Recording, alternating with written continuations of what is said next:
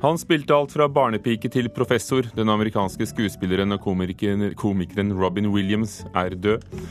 Nettstedet Twitter har gitt liv til en ny sjanger, novellen på 140 tegn. Frode Grytten er en av dem som utgir Twitter-meldinger som bok i høst. Og musikkvideoer kan gi enorme inntekter til norske artister, spår platedirektør. Dette er blant sakene i Kulturnytt i Nyhetsmorgen med Ugo Fermariello, hvor vi også går gjennom hva vi kan vente oss på filmlerretet denne høsten. Skuespiller og komiker, en av verdens største filmstjerner, Robin Williams, døde i natt. Han ble 63 år gammel. Han er kjent fra filmer som Mrs. Doubtfire, Good Will Hunting og den som ga ham en Oscar-statuett, nemlig Good Will Hunting, og ikke minst Good Morning Vietnam.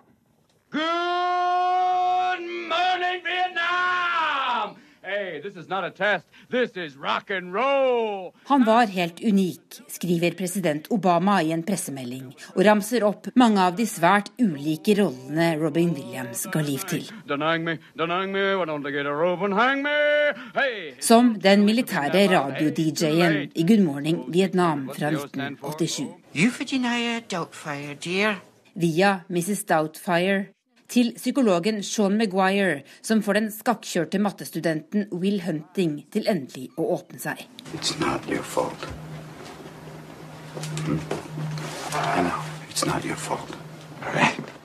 En rolle Williams vant Oscar for i 1997. And most of all, I want to I want to thank my father up there, the man who, uh, when I said I wanted to be an actor, he said, "Wonderful, just have a backup profession like welding." Reaksjonene er svært sterke på at den elskede skuespilleren i går kveld ble funnet død i hjemmet sitt nord for San Francisco. Han tok høyst sannsynlig sitt eget liv etter å ha slitt med depresjon lenge.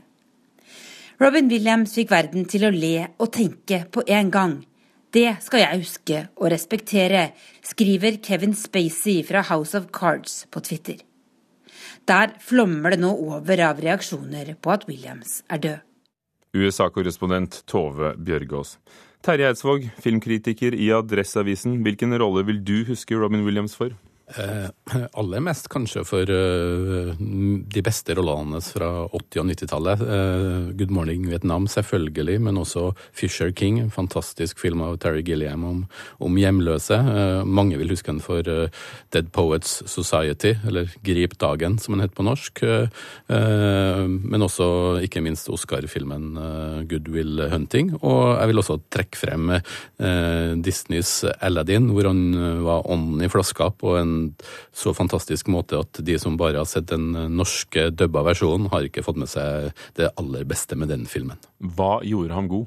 Uh, han hadde en frenetisk, uh, uh, så vidt jeg skjønner, improvisatorisk evne til å, til å, gi full gass i et tempo som gjorde at han både var morsom og um, kunne bevege folk. Og det var nok en av grunnene til at han var en av de mange gode komikerne i USA på 70- og 80-tallet, som etter hvert også har vist seg å bli gode filmskuespillere. For eh, nettopp i eh, mediene i USA så legger de vekt på at han var komiker. Han begynte på TV. Hva var det komiske talentet hans? Ja, det er nettopp det der, den der eh, gum, blandinga av gummiansikt og en, en, helt utrolig energi. Men samtidig en evne til å få frem varmen i figurene han spilte.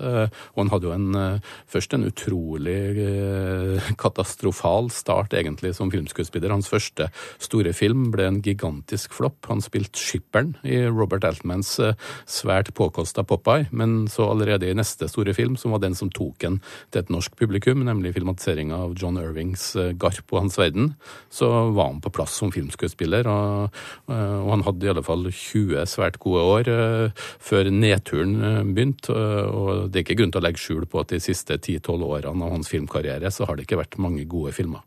Men det har vært noen roller i uavhengige uh, annerledes filmer. Ja, det var en eh, sånn tidlig på 2000-tallet. Eh, så gjorde han eh, to interessante, gode filmer på, på ett og samme år. Han gjorde en helt ålreit innsats i den amerikanske versjonen av Erik Skjoldbergs 'Insomnia', men ikke minst 'One Hour Photo' fra samme år, 2002.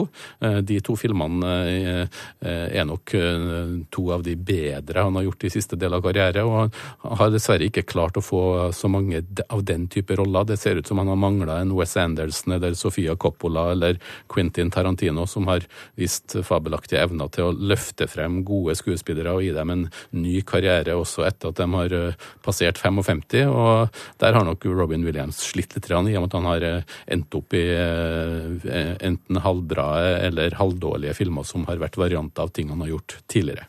Takk skal du ha, Terje Eidsvåg, filmkritiker i Adresseavisen, som blir med oss senere i sendingen for å snakke om filmhøsten. Og takk for at du kommenterte Robin Williams, som altså døde i natt, 63 år gammel. Kunstneren Odd Nerdrum må i retten igjen i september. The Nerdrum Institute har saksøkt ham for 23 millioner kroner, og bakgrunnen skal være en avtale mellom instituttet og kunstneren fra 2009, ifølge Dagens Næringsliv. Avtalen var at instituttet skulle formidle og ha enerett på å selge Nerdrums kunst i ti år, men allerede tre år senere sendte Nerdrums eh, hustru et brev om at eh, de ville avslutte samarbeidet pga. misnøye med antallet utstillinger. I høst kommer det ut flere bøker som består av Twitter-meldinger. Både nye og etablerte forfattere prøver seg i kortformatet på maks 140 tegn, som er eh, det mest tillatte på nettstedet Twitter. En av dem som gir ut Twitterbok, er musiker Jan Eggum. Deres ekteskap var basert på full barnehagedekning fra ti måneder og lange jobbedager. Å være sammen hele døgnet tre uker i ferien ble et helvete. Musiker og nå også forfatter Jan Eggum sitter ved et kafébord på Frogner og leser opp ei Twitter-melding. Det var den. nå er det vel bort, bortimot 1000 tweets, og, og jeg har jo nesten ja, jeg har i hvert fall ja, i nærmere 20 000 followers. da. Og nå gir Eggum ut et utvalg av tweetene sine i bokform. Med det håper han å gi de korte 140-tegnstekstene et lengre liv. Skal dette her bli eh, noe vesentlig for andre, og sånn, så må de jo huske. Så det, det, er jo sånn med alle sosiale medier. at det er, jo, det er jo ikke glemt i morgen, det er glemt om en halv time. Så jeg hadde lyst til at noe av de skulle stå, og da måtte andre være med på å velge ut de som var så verdifulle at de kunne komme i bok, til og med. Altså. Og det har vi, mener jeg vi har funnet. da. Og Eggum er ikke alene om å gi ut ei bok med tweeter.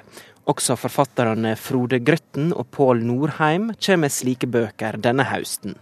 Både Eggum og Grøtten gir ut på Kagge forlag, som også tidligere har gitt ut Twitter-bøker. Den første Twitter-meldingboka som eh, vi kom med, det var jo denne politiet, Oslo-politiets informasjonssentral som sender ut disse små korte meldingene om hva som skjer i hovedstaden.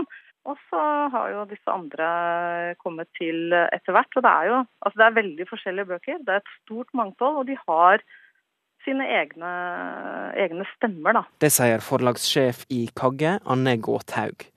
Og selv om alle kan gå inn og lese meldingene gratis på Twitter, mener Gåthaug at opplevelsen blir annerledes når en leser dem i bokform. Frode Gryttens uh, twittermeldinger har vi jo valgt å sette inn i en uh, sammenheng som ikke lenger har noe med Twitter å gjøre. Det er ikke, det er ikke datoer på det, det er ikke tidspunkt, det er ikke retwitringer. Vi har tatt ut uh, teksten, sånn at teksten står som en enkel liten novelle. Men for Jan Eggum er det viktig at nettopp Twitter-preget og opphavet til meldingene blir bevart. Det å skrive kortprosa og gi, gi ut små, små, lyriske stykker, det, det, er ikke det som er målet. Det er jo det å vise at en tweet kan brukes på, på andre måter enn det vanlige. Sa Jan Eggum, reporter Lars Ivar Nordahl. Frode Grytten, god morgen. God morgen, ja. 'Vente på fuglen' heter eh, din samling av Twitter-noveller, eller er det noveller? Jo, jeg tenker på det som noveller. Svært korte noveller, da, men noveller. Hvilke begrensninger gir de 140 tegnene?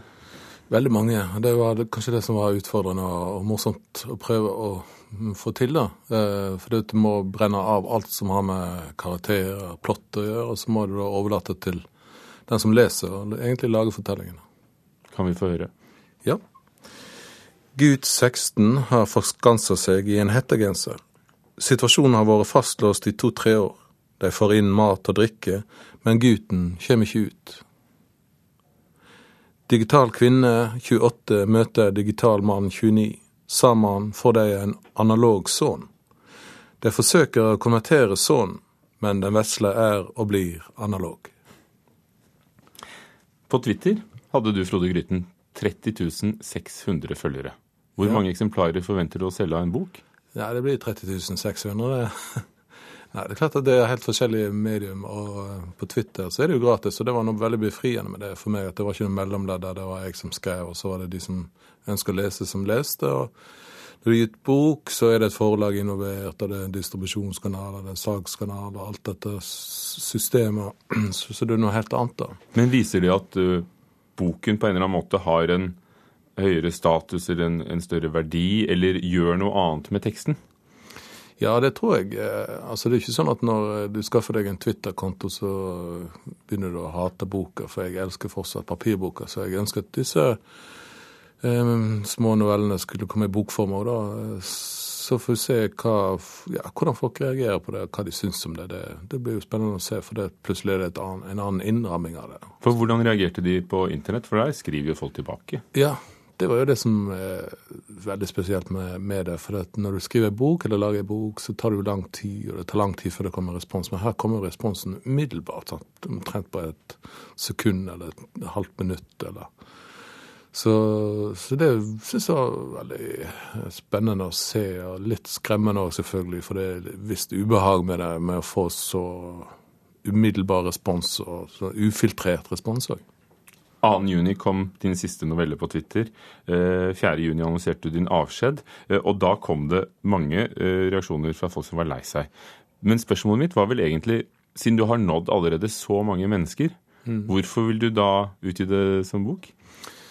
Nei, for det, at det, det var egentlig et stort arbeid å skrive. Jeg skrev jo 538 sånne noveller. Og etter hvert så tok det ganske mye tid, og eh, jeg var veldig skeptisk til å gi ut i bokform en stund. eh, Men så tenkte jeg meg om at eh, det er fint å la det stå igjen noe helt fysisk òg, da. Det fins jo der ute på internett, og folk kan lese det. Men når du setter det inn i en ramme og gjør, redigerer det, tar vekk det som eh, liksom er dagsaktuelt og mer sånn knyttet opp mot datoer og dagsaktuelle hendinger og sånn, eh, og ja, lage et livsløp ut av det som det er gjort i bokform, så blir det noe annet. Henger det sammen som én historie også? Ja, jeg håper det. Det er lagd som et eh, løp fra fødsel til død, da. Sånn at egentlig alle Ja, alle aldrer i løpet av et liv får sitt. Synes du, Frode Grytten, at Twitter egner seg til noe annet enn litterær virksomhet? Ja, det gjør det absolutt. Jeg syns det er noe fint med den der eh, delingskulturen som finnes der. Folk eh, er veldig engasjert. Folk eh, forteller om sitt liv, og folk eh, om sine meninger. Og hva. Så det er noe veldig demokratisk og et kor av stemmer der ute. Da vil jeg gjerne at du avslutter som du gjorde på Twitter, Ja. med en tweet. Livet har vært en parentes. Mann 47 har ikke lykkes, verken i arbeidsliv eller kjærleiksliv. Så treffer han kvinne 48, parentes slutt. Takk, Frode Grytten. Klokken er eh, snart 17 minutter over åtte dører på Nyhetsmorgen i NRK med følgende overskrifter. Flere norske statsborgere kan være villige til å stille som selvmordsbombere for terrorgruppen ISIL, frykter forskere. Det er strid om statsministerposten i Irak. Nouri al-Maliki nekter å gå av, selv om presidenten har utnevnt ny statsminister. Norge må ta en større del av klimakuttene. Mer rettferdig for verdens fattige, mener Kirkens Nødhjelp. Og finske Mikko Riminen fikk Finlandiaprisen for sin tredje roman. Vår anmelder har lest den norske utgaven og forteller om det senere i Kulturnytt. I år er det første året artister og komponister i Norge kan tjene penger gjennom antall avspillinger av musikk og musikkvideoer på nettstedet YouTube. Inntektspotensialet fra YouTube for artister er enormt, tror direktøren for plateselskapet Universal, siden det er der de unge leter etter musikk. Musikk på YouTube beveger seg uhyggelig raskt fordi de unge er mer aktive og oppsøkende enn de som er litt eldre. Så det kommer til å bli en eh, helt sentral både inntektskilde og markedsføringskanal. Det mener direktør for Norges største musikkselskap, Universal, Bjørn Rogstad. Antall eh, streams på YouTube er enormt, eh, sånn at potensialet er jo tilsvarende enormt. da. Rogstad tror derfor at musikkvideoen blir stadig viktigere, og at I framtiden kommer det til å være sånn at alle låter kommer til å måtte ha en eller annen form for musikkvideo. Dog goes woof, cat goes meow, bird goes tweet and mouse goes squeak.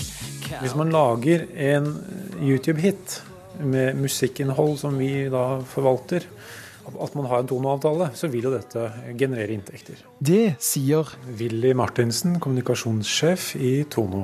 Og hva jobber Tono med nå igjen? Vi legger til rette for at Norge skal kunne bruke musikk og vi sørger for at de som har skrevet den, får betalt. Tono betaler rettighetshaverne ut ifra hvor mye musikken deres spilles på radio, konserter, strømmetjenester og nå også YouTube. I november fikk Tono for første gang en avtale med YouTube om å rapportere antall avspillinger av musikkvideoer. Derfor vil artistene for første gang i år kunne tjene penger på avspillinger fra YouTube, i tillegg til annonser i forkant av videoen. Når tallene er klare, da. Vi tror at det skjer i løpet av høsten, og da vil det begynne å bli eh, avregnet penger inn til oss som vi avregner videre. Og det er først da, senhøsten, vinteren, at vi vil kunne se noe mer konkret. da. Tonors inntjening gjennom digitale avspillinger, altså alt som spilles via internett, har økt enormt de siste årene. I 2008 fikk Tono inn 800 000 kroner i digitale inntekter, mens i 2013 var tallet 74 millioner kroner. Martinsen mener det er for tidlig å si hvor høyt tallet vil bli i 2014, og hvor mye av dette som vil komme fra YouTube. Men at det er åpenbart at det er de store, virale YouTube-hitene som vil gi mest penger i posen. Som nevnte Ylvis sin The Fox og Anders Nilsens Salsa Tequila.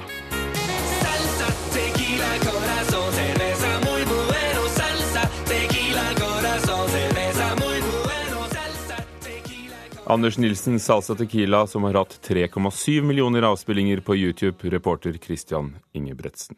Snart vil høstens filmer lokke folk inn i kinoen.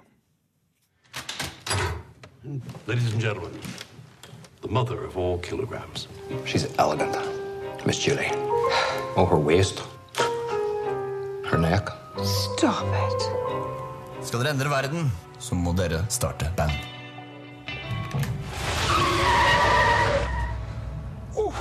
Nå skal det smake meg svele. Noen av de norske filmene som kommer, Bent Hamers 1001 gram, Liv Ullmanns Frøken Julie, Beatles, basert på Lars Saabye Christensens roman, og bilfilmen Burning. Terje Eidsvåg, filmanmelder i Adresseavisen, hvordan syns du den norske filmhøsten eh, ser ut? Den ser veldig variert ut. Eh, litt av alt. Det er et par eh, veteraner som er tilbake med, med nye filmer. Det er ganske mange første- og andregangsregissører. Det er litt dokumentar. Det er noe som ser ut som det er potensielle eh, publikumsdragere, mens andre ting kanskje forhåpentligvis er, kvalitetsfilm som kanskje ikke har så stort publikumspotensial, men som, som forhåpentligvis vil gjøre at det her blir en kvalitetsmessig bra norsk filmhøst. De mest kjente regissørene blant dem vi nevnte her, er jo Bent Hamer og, og Liv Ullmann. Hvilke forventninger har du til hva de har gjort? Eh, jeg er veldig spent på begge filmene. Jeg hadde jo håpa at begge skulle bli å se i Cannes. Nå blir det i stedet til at begge åpner i Toronto. Eh, eh, og de er jo ganske forskjellige. Liv Ullmann har tatt for seg Strindbergs 'Frøken Julie'. Uh, og det er jo kanskje en film som har et antatt smalere, eller et noe mindre publikum, men som forhåpentligvis kan bli en um, internasjonal kvalitetsfilm og en, en, en, bra finale på Liv Ullmanns karriere som regissør, siden hun vel har proklamert at det her blir hennes mm. siste i registolen. Og Bent Hammer er endelig tilbake. Han er jo en av de store originalene i, i norsk film av norske filmregissører, så hans 1001 gram er jeg meget spent på.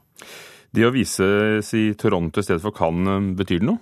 Eh, hvis man skal orientere seg til det amerikanske publikummet, så er det nok eh, kanskje Og den amerikanske filmbransjen, så er det kanskje vel så smart. Det er en veldig eh, bra lanseringsfestival for, eh, for, det viktige slippet av filmer som kommer på tampen av året, og som skal prøve på Oscar eller, eh, eller der. Jeg vet ikke om, om Eh, Liv Ullmann og, og, Bent Hamer er helt der. Sånn sett så er kanskje en annen Toronto-film med norsk medvirkning vel så velegna for eh, utpakking der, nemlig hva? Morten Tildum sin eh, The Imitation Game, som jo har laga sin første amerikanske britiske film. Og den er jeg også veldig spent på, selv om det ikke er en norsk film produksjonsmessig. Ja, for dette er jo en, en film utenfra om Alan Turing, mannen som knekket tyskernes enigmakode under krigen, men altså norsk regissør Morten Morten Tyldum. Eh, hva slags film? Det er, blir jo da en slags eh, krigstriller, eh, men det er jo en film med, med store navn på rollelista. Keira Knightley og, og, og, mannen som vi mange kjenner som Sherlock Holmes, Benedict Cumberbatch. i hovedrollene. og Det er en film som allerede er plukka ut etterpå å åpne filmfestivalen i London, og det er en ganske stor ære. I fjor så var det Captain Phillips med Tom Hanks som fikk, eh, som fikk, den æren. Så eh, jeg er veldig spent på Morten Tyldum sin internasjonale debut. Det ikke, det og det er jo litt av et menneskelig drama det, det, handler om, det er ikke bare koder og krig? Nei, og det er en film som også har fått en del sånn kontrovers i forkant om hvorvidt homofilien til hovedpersonen er spilt ned. Men hvis filmen er god, så tror jeg det bare kan gi deg en ekstra oppdrift. At du får en diskusjon både om innholdet og om, om, om filmen. Så, så, det er nok en av de norske filmprestasjonene prestasjonene som jeg er mest spent på i høst, eh, rett og slett siden det har vært også veldig mye positivt bøss om akkurat den filmen. Hva tror du blir de norske publikumsfrieriene i høst? Eh, på forhånd så ser det ut som Burning, Beatles og Kaptein Sabeltann, eh, foruten Karsten og Petra til jul, selvfølgelig, eh, vil være de som på papiret ser ut som de som vil kjempe om å bli den, den eller de største norske filmene. Og så har du en del, en del outsidere som det ikke er godt å si hvor ender. King Curling ble jo en kjempesuksess, og Ola Eh, Endresen kommer nå med 'Jakten på Berlusconi'. Eh, om den også klarer å, å nå det, noe av det publikummet som han traff med, med mange norske komikere på rollelista i forrige film, eh, blir også interessant å se. Og så har du også en del norske filmer som er spent på eh, av helt eh, andre årsaker. Du har eh, Mot naturen, Ole Gjæver, som, som laga en veldig god debut, som tok en til Berlin. Du har Dirk Ohm, som endelig lager spillefilm, som jo vant pris i Cannes med sin, med sin kortfilm. Terje Eidsvåg, du, du, får ikke sagt flere, men jeg skjønner at det er veldig mange i forskjellige sjangere. Takk for at du, filmkritiker i Adresseavisen, kommenterte filmhøsten vi har i vente. For sin tredje roman, 'Nesedagen', fikk den nå 39 år gamle forfatteren Mikko Riminen den prestisjefylte, som det heter, Finlandiaprisen, og det er nå første gang Riminen er oversatt til norsk. I oversettelse er den eh, blitt seig materie som lider av et akutt overforbruk av adjektiver, mener vår anmelder Knut Hoem. Mikko Riminens roman handler om ensomhet slik ensomheten fortoner seg for en enslig kvinne med en voksen sønn som har forlatt redet for lengst. Mye tyder på at Irma, som hun heter, har vært ensom en stund når vi møter henne i Helsinkis gater på sensommeren. I mangel på en ordentlig jobb oppsøker hun tilfeldige mennesker i deres hjem under påskudd av å holde på med markedsundersøkelser. Denne ukonvensjonelle formen for oppsøkende virksomhet fører selvsagt med seg mye ufrivillig tragikomikk, og det er ikke overraskende at denne typen roman om en sur, gammel kvinne på randen, med et godt skjult hjerte av gull, har gjort lykke i Finland. Når Rimminen også har vunnet en litterær pris for boken, har det sikkert sammenheng med at han skriver lange, bølgende setninger med et reservoar av ord og uttrykk som sikkert både utvider og utfordrer det finske språket. På norsk flyter det ikke, men jeg er ikke helt overbevist om at dette bare er oversetterens skyld. Det gikk noen smørdeigfargede høstdager der jeg egentlig ikke fikk i stand noe annet enn litt fnokkete tanker skriver Rimminen i Morten Abelsnes sin oversettelse. Det blir i overkant språklig lekent i en roman som absolutt krever at vi føler, lever og ånder med hovedpersonen idet hun reiser ut i til dels komiske, til dels fornedrende møter med andre mennesker. Først midtveis i romanen, når eh, hovedpersonen Irma blir vippet ut av sitt eget spørreskjema, og isteden begynner å engasjere seg i livet til en av sine intervjuobjekter, åpner romanen for at vi skal slå inn på andre og mer interessante veier. Men dette blir bare et blaff. Så ramler vi ut i alt språk igjen.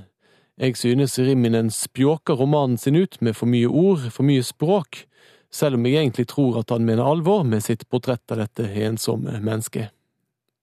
Sa Knut Hoem, som hadde lest Nesedagen av Mikko Riminen, oversatt fra finsk av Morten Abelsnes.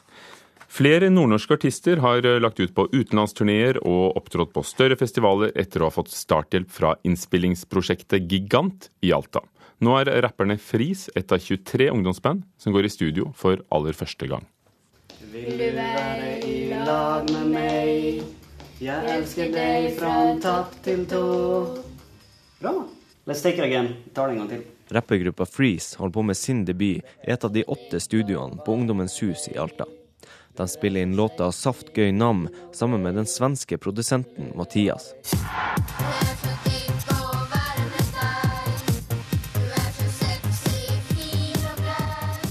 Prosjektet Gigant lar unge, uetablerte band og artister spille inn en låt i et profesjonelt studio med erfarne produsenter. To av guttene i Fris Odd Fredrik Bakken Johansen og Sigurd Haagensen på ti og ni år er de yngste som noen gang har deltatt på innspillingsprosjektet. Nei, jeg har noen sånn Jenter og ja, ja, party. fest. Sånn, og dra på fest. Det, det var det én sånn. Men eh, Og så handler det om damer og sånn. Guttene i Fris er et av 23 band som deltar på årets Gigant. Det ellevte året på rad Gigant arrangeres, og flere band har allerede kommet godt i gang med sin musikkarriere. Det med at Gigant er her, gjør at folk øver mer, de kommer seg videre. Det sier medieansvarlig ved Ungdommens hus i Alta, Ann Helen Paulsen. Vi ser bare Cyanid, Approaching Pluto. De spiller på store festivaler. Approaching Pluto varmt Rock mot rus i år og spilte på Buktafestivalen. Det er mye pga. at vi har Gigant. Guttene i FRI syns det er veldig kult å få være med på prosjektet, men tidkrevende. Ja. Det, det er litt slitsomt. Mm. Tror dere det kommer til å slå an? Helt sikkert. Kommer på MP3 og Spotify. Skal jo lage plate. Så skal vi brenne masse sånne plater sånn at Selge det. Ja, selge det. 49,90. Det var Fris reporter Christian Sønnevisen By. Kulturnytt var ved Hilde Tosterud, Gjermund Jappé og Ugo Fermariello.